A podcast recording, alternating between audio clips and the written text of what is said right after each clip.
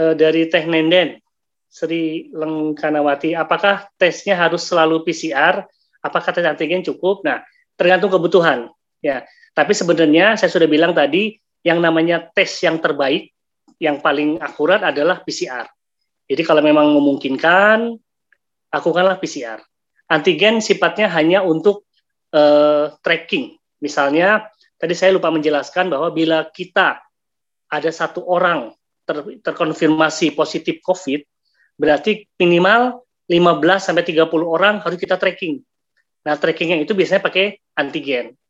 Nah, hanya sifatnya antigen tadi harus diperhatikan bahwa antigen itu tidak selalu uh, akurat 100% ya bisa 80% keakuratannya, tapi yang 20% bisa gagal. Ya, makanya terjadi yang tadi saya bilang, bisa antigennya positif, ternyata PCR negatif, atau kebalikannya antigen negatif, PCR malah positif. Seperti saya, saya kan uh, antigen negatif nih, tapi gejala saya khas, dicek PCR ternyata positif. Ya, gitu. Jadi intinya tergantung kebutuhan.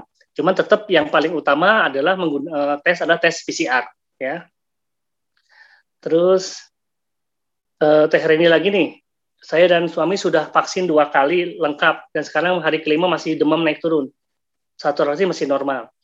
Sebaiknya dicek PCR dulu Teh Reni ya, cek dulu karena saya juga bilang tadi vaksin mau dua kali mau tiga kali juga tidak menjamin uh, apa kita kebal dari dari COVID ya.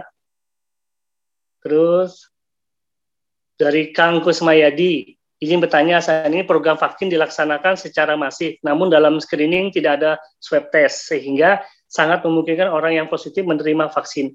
Apa dampak terburuknya bagi orang positif diberi vaksin? Sebenarnya um, itu salah satu kelemahan kita. Harusnya sih sebelum dilakukan vaksin, di swab dulu. Harusnya ya minimal swab antigen ya. Tapi kita ambil pukul rata kali ini program intinya. Jadi sebenarnya tidak ada teori yang mengatakan bahwa orang yang Eh, dalam keadaan uh, positif divaksin berbahaya tidak ada ya bahkan kebalikannya orang yang sehat terus divaksin ternyata di PCR positif itu tidak ada korelasinya. Ya jadi sebenarnya tidak ada masalah sebenarnya secara teori. Cuman kita membuat membuat semacam jaga-jaga.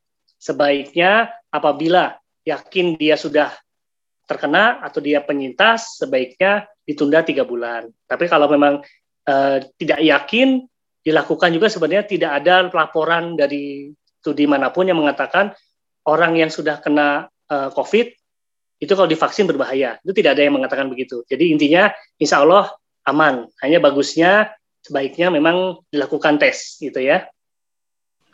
Terus pertanyaan selanjutnya. Hmm, melanjutkan pertanyaan yang barusan. Oh iya gimana Kang silakan. Uh, yang saya maksud bukan orang yang sudah sembuh tapi orang yang terpapar sedang uh, bergejala, maksud saya seperti itu.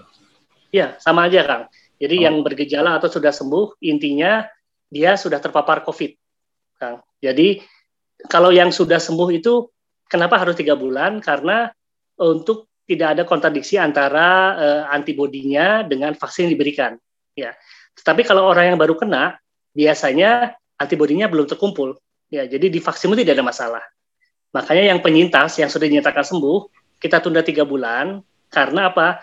Untuk menyesuaikan antibodinya kan, gitu kan. Ya, tapi kalau dia dalam, dalam keadaan demam, misalnya dalam keadaan dia memang terpapar saat ini, saya yakin atau kita yakin bahwa antibodinya belum cukup. Kalau antibodinya cukup, berarti dia sudah sembuh yang disebut penyintas tadi. Jadi nggak ada nggak ada korelasi antara vaksin yang diberikan harus ditunda atau bagaimana atau menimbulkan bahaya apa apa enggak. Yang ditunda justru yang sudah sembuh karena dia udah terbentuk antibodi dalam tubuhnya. Gitu kan? Siap. Terima kasih. Siap.